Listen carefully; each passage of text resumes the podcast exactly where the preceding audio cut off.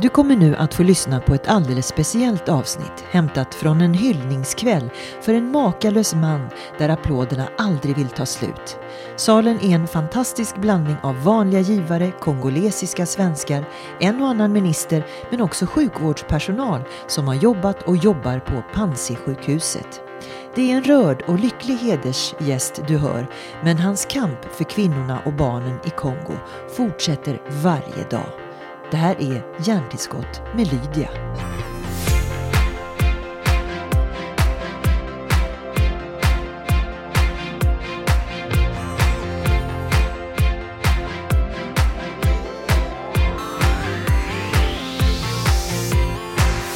Vem är han då, doktor Dennis Mukwege?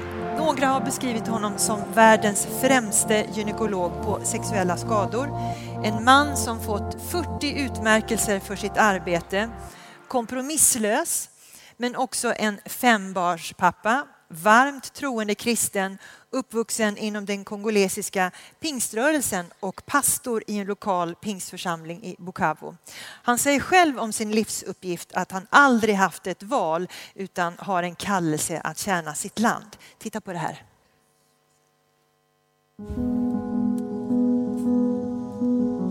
Dr Dennis Mukwege föds 1955 i Bukavu och får som liten bebis en mycket allvarlig infektion men räddas till livet av en svensk missionär.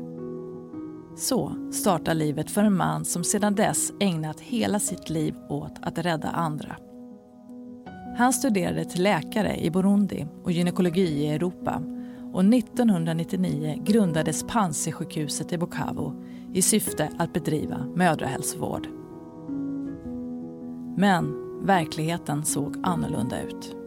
Snart började det komma kvinnor som utsatts för grovt sexuellt våld och Dr Mukweges arbete ändrades till att fokusera på och hjälpa just dessa kvinnor. Tillsammans med sin personal har han opererat och hjälpt över 54 000 patienter vilket har gjort honom till världsledande expert när det gäller att operera gynekologiska skador orsakade av sexuellt våld. Ett arbete som gett honom många priser men också fört honom till mäktiga podier runt om i världen. I december 2006 höll han sitt första FN-tal om situationen för kvinnorna i det krigshärjade östra Kongo. Ett framträdande som fick stort utrymme i internationella medier. Sedan dess har han om och om igen lyft situationen i Kongo. En ständig kamp som utspelat sig både på operationsbordet och i talarstolar. Hans mod att våga sätta ord på situationen i Kongo har också gjort att han under många år fått leva som gisslan i sitt eget hem och även själv blivit utsatt för ett mordförsök. Trots det höga priset har han fortsatt sitt arbete på Panzi och att lyfta kvinnornas situation i Kongo. Det var också dem han adresserade när han höll sitt första tal efter Nobelkommitténs tillkännagivande. Nataka, nataka niwaambie kwa niaba yenu ninyi wote wa mama kama tunakuwa pamoja katika hii vita na haitawezekana hii tuzo iwe na maana ikiwa ninyi wa mama hamuhesabike na sauti yenu haiheshimiwa. Tuzo itakuwa haina maana. Dr Dennis Mukwege har kommit att personifiera hoppet för kvinnorna på Panzi och för mänskligheten. Mm. So, a very warm welcome to our guest of honor, Dr. Dennis Mukwege.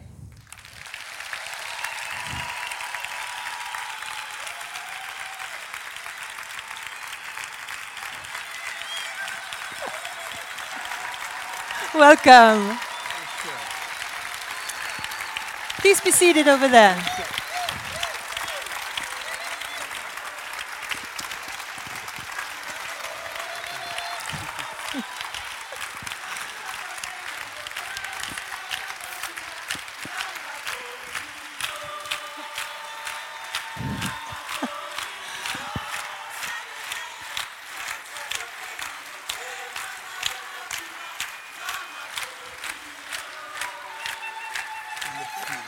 Ska ni sjunga alla verserna eller?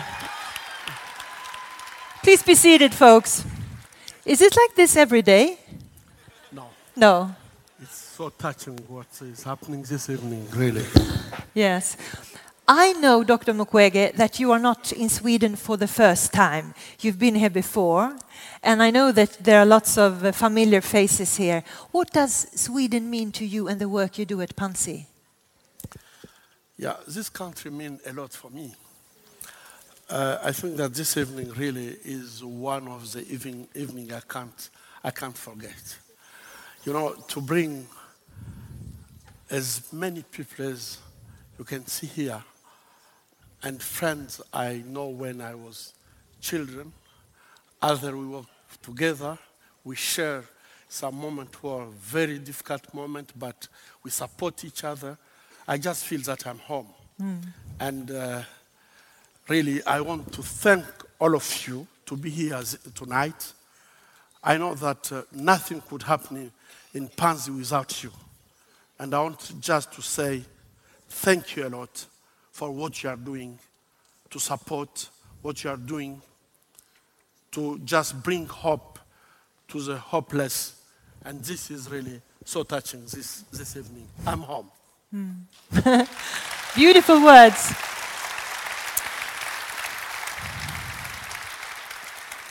When you got the Nobel's Peace Prize, uh, who did you think of? Yeah.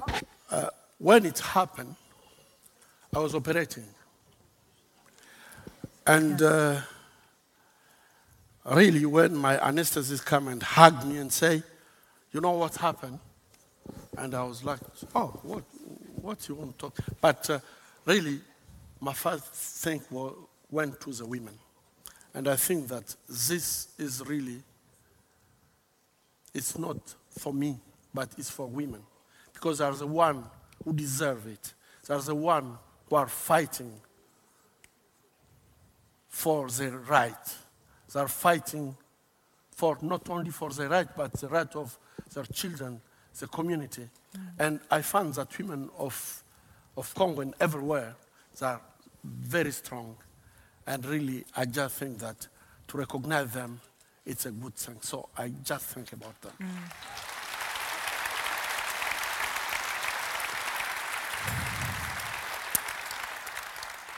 As a woman, I have to admit, I try to understand what they go through. Um, but could you please tell me, rape as a weapon of war, why is it such a devastating form of violence and so effective? Can you put it in words? Yeah. It's hard maybe to put in words, but uh, I, I, can try. When I saw it for the first time, I was just thinking that it must be someone who loses his mind. Some But- crazy man. A crazy man who just lost his mind and is doing really uh, atrocities on the, women, the, the body of women. But uh, when I saw it uh, repeatedly, I started to understand that it was not rape only, but it was rape with extreme violence. And uh, when women start to just to, to tell me what happened to them, I could understand that it was rape, but the way that this rape was done was just to destroy individuals, to destroy women, to destroy the body of women, but also to destroy their families and the society. Because most of this rape are happening in public and uh, it's uh, gang rape. So it's a way to dehumanize women, to destroy them physically and mentally, but also to try to get impact on the family and the society. This is one sense. And if you destroy women, we destroy the families and we destroy the society. The They women, not- the women is the key to the whole society. Absolutely, mm. because uh, it's everywhere, I mm. think. Mm. Women are really, in my country, women are carrying the society on their shoulders. And when you destroy them, it means that you destroy everything. it's not only socially, but it's also economically. Mm. And to target women is really to make a war with a very efficient weapon, who is very cheap also. Can you and Panzi help every woman and child who comes to the hospital? How do you address this issue? We are doing our best, but uh, I know that today we can't, we don't have enough means to, to treat all victims. We are just doing what we can with the means that we have. And uh, of course, uh, women who are coming at the hospital, all of them are getting treatment at the hospital. But we know that there are many in the countryside who can't access to the hospital because their area is not safe. They can't walk, They maybe. can't walk mm. because they are maybe very sick. Mm. And sometimes, as the minister said, it can be also a problem of taboo.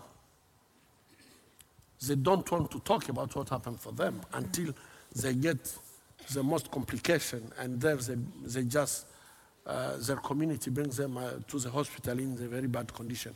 So we are trying to do our best, and at the hospital today we have we are not only treating them medically. Before it was only medically. It was what I think with my my colleagues who are here. I want I don't want to say names because I will start and uh, until You'll never tomorrow, finish. I will be just talking about names and how they are brave and courage people who really uh, did a great job at Panzi. But after to be treating patient medically, we discover that uh, the healing was not even after to make the good treatment physically, women were just complaining for other things. And there, after a few years, we, under, we understood that it is needed really to support them psychologically. And then we introduce in our treatment the second pillar of our treatment with the social, uh, so, uh, psychosocial support. And really, we saw that at this moment, many things change for women. Really, they were very strong psychologically and, and physically. Wonderful to hear. But it was not enough. Because after this, most of them were asking us, I can't go back. In my village, my husband reject me. The community reject me. So I don't have a possibility to go back, or my village is under control of the same group who raped me. And there we start just to think, after to treat patient medically and psychologically, to let them just in the street. It was just to expose them at another kind of uh, rape in the city. So we start a third pillar of our treatment is a social economical support. And there really you could see that women start to be strong, autonomous, and ready to fight for the right, the right of their children, and even the right of others, including myself. Women are fighting for me. And this is really something very touching.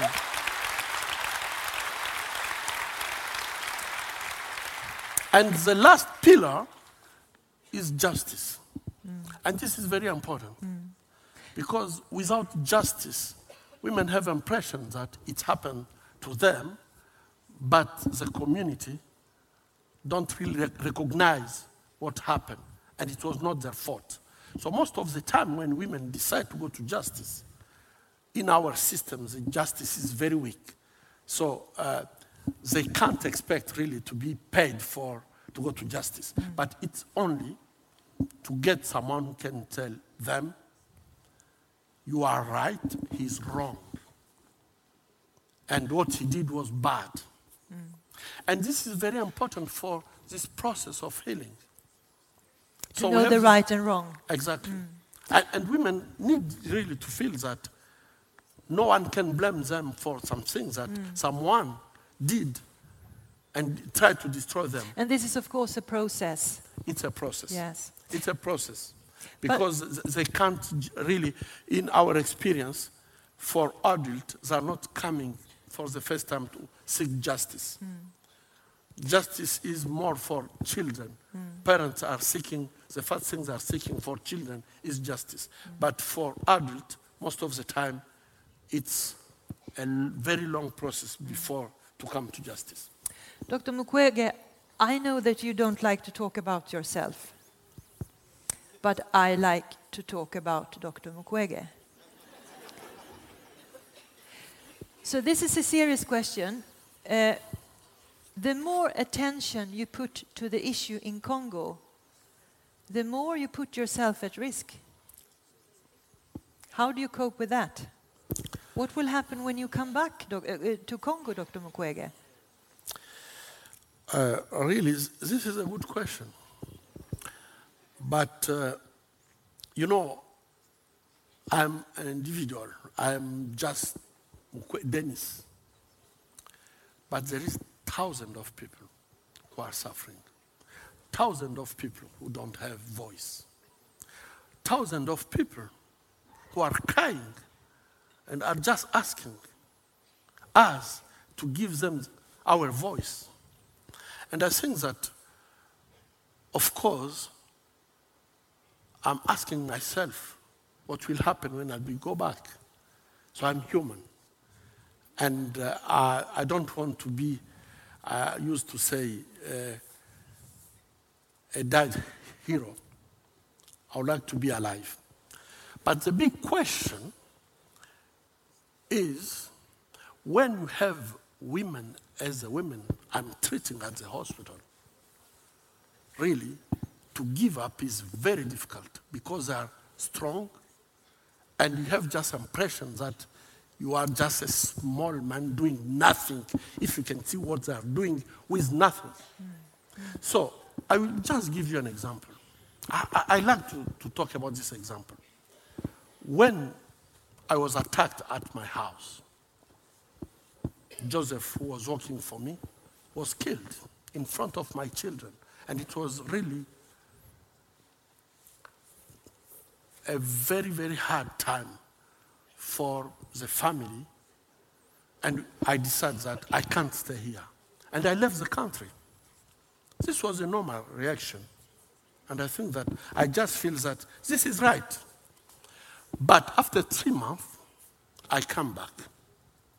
I decided to come back. Do you know what happened? Women decide that we need Dr. Mukwege back. They knock on all the doors that they could knock on. They didn't get answer. At the end, they decide, okay, you men, you don't care about us, but we'll run ourselves, our business. They start to sell fruit and vegetables. And each Friday, they're bringing money at the hospital just to, to try to get enough to pay my ticket back. Can you imagine? And this... Vi kommer dra över lite på tiden bara så ni vet. Jag hoppas ni tycker det är okej. Ehm, ja. Can I, Dr. Mukwege?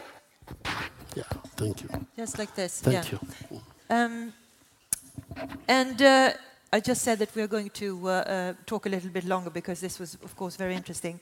Um, but this is also something that uh, is an answer to what I asked before when I asked you what will happen when you come back to Congo. So the answer is I don't decide. The women wants me, and that's the answer. That's your answer. I think that uh, my place is in Congo. Yeah. My place is with the women of Congo.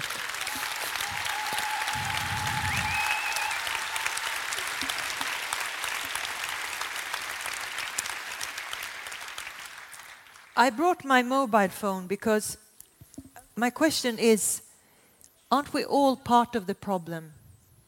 Because Congo, with all the minerals and everything, we think that, oh, that's in Africa, it doesn't happen to us, but we all wear these.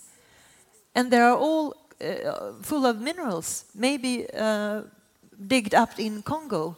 So, we, are we part of the problem that the things are like they are in Congo? Yeah. The reality is when you are using electronic equipment, and soon with our electric cars, we are connected to what is happening in Congo. I'm sorry to say it, but this is a reality.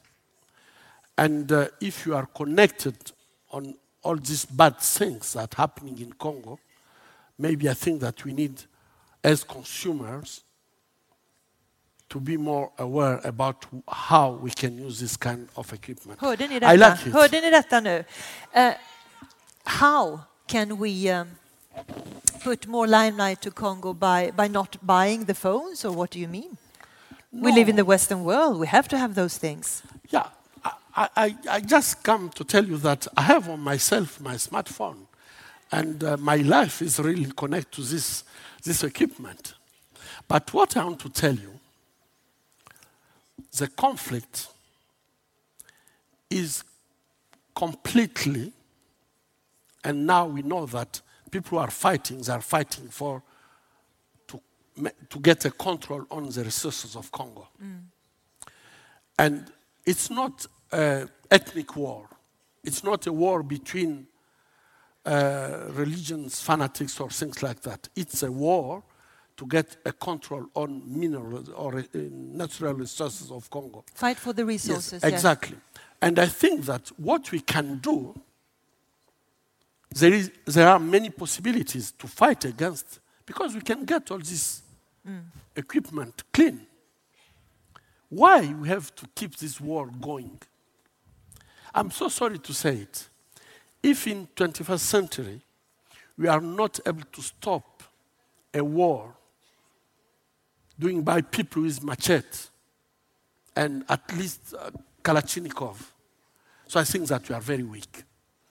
Because in the Second World War, we decided to stop it. The world decided to stop it, and they did.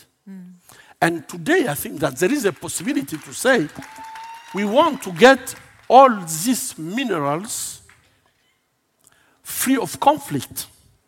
And the way is to stop this conflict. In Congo, we are not making guns.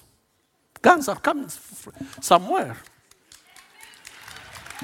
In Congo, I can say that we don't have in South, North Kivu, and Tanganyika, we don't have any single company who is exploiting this mineral. Mm, mm.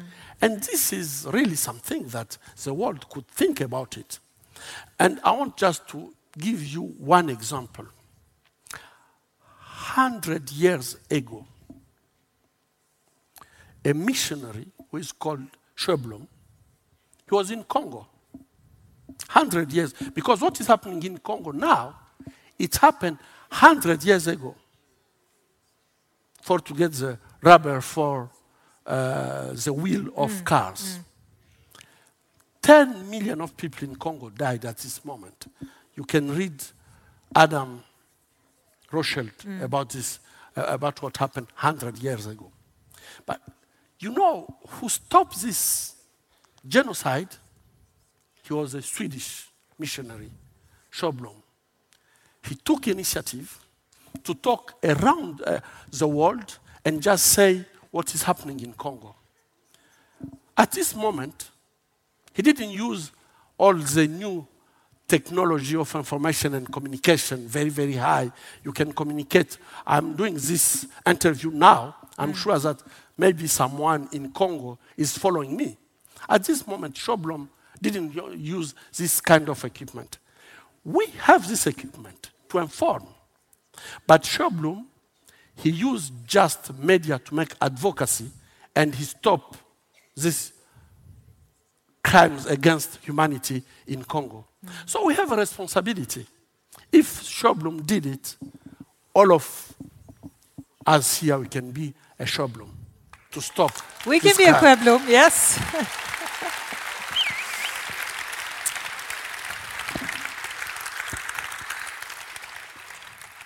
I know that there is a song that is very close to your heart.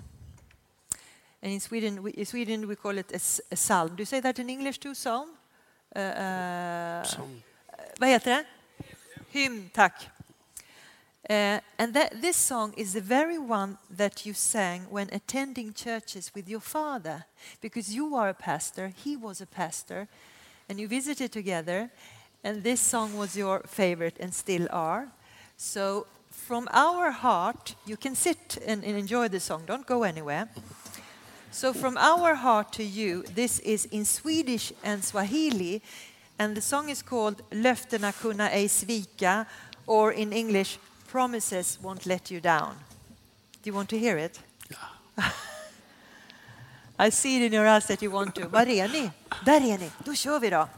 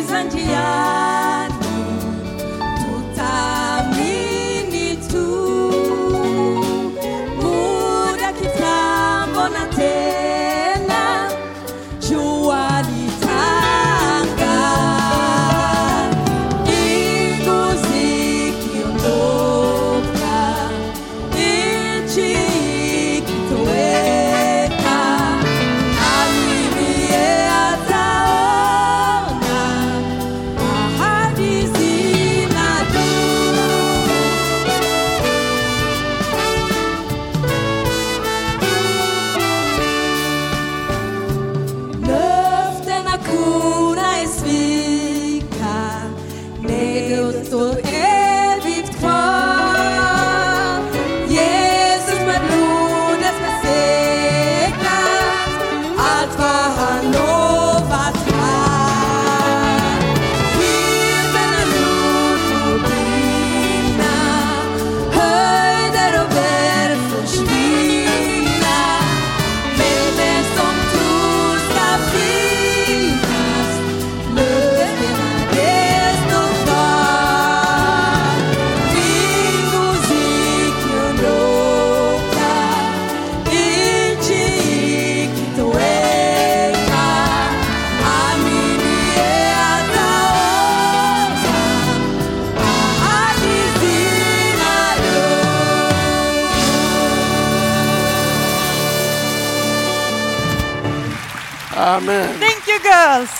Amen.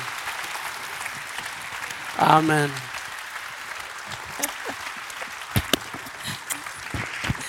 Thank you. And Dr. Denis Mukwege, come, come to me, come to me. Thank How, you. how was that? yeah, I Yeah. you don't have to say anything. You can stand here with me and say thank you to all the ones uh, today that have been with us. I know you had a tough week. You are going to leave uh, the hall and we are going to mingle. But I also would like to give flowers to Madame Madeleine, which is a brilliant woman standing side by side with Dr. Mukwege. Thank you.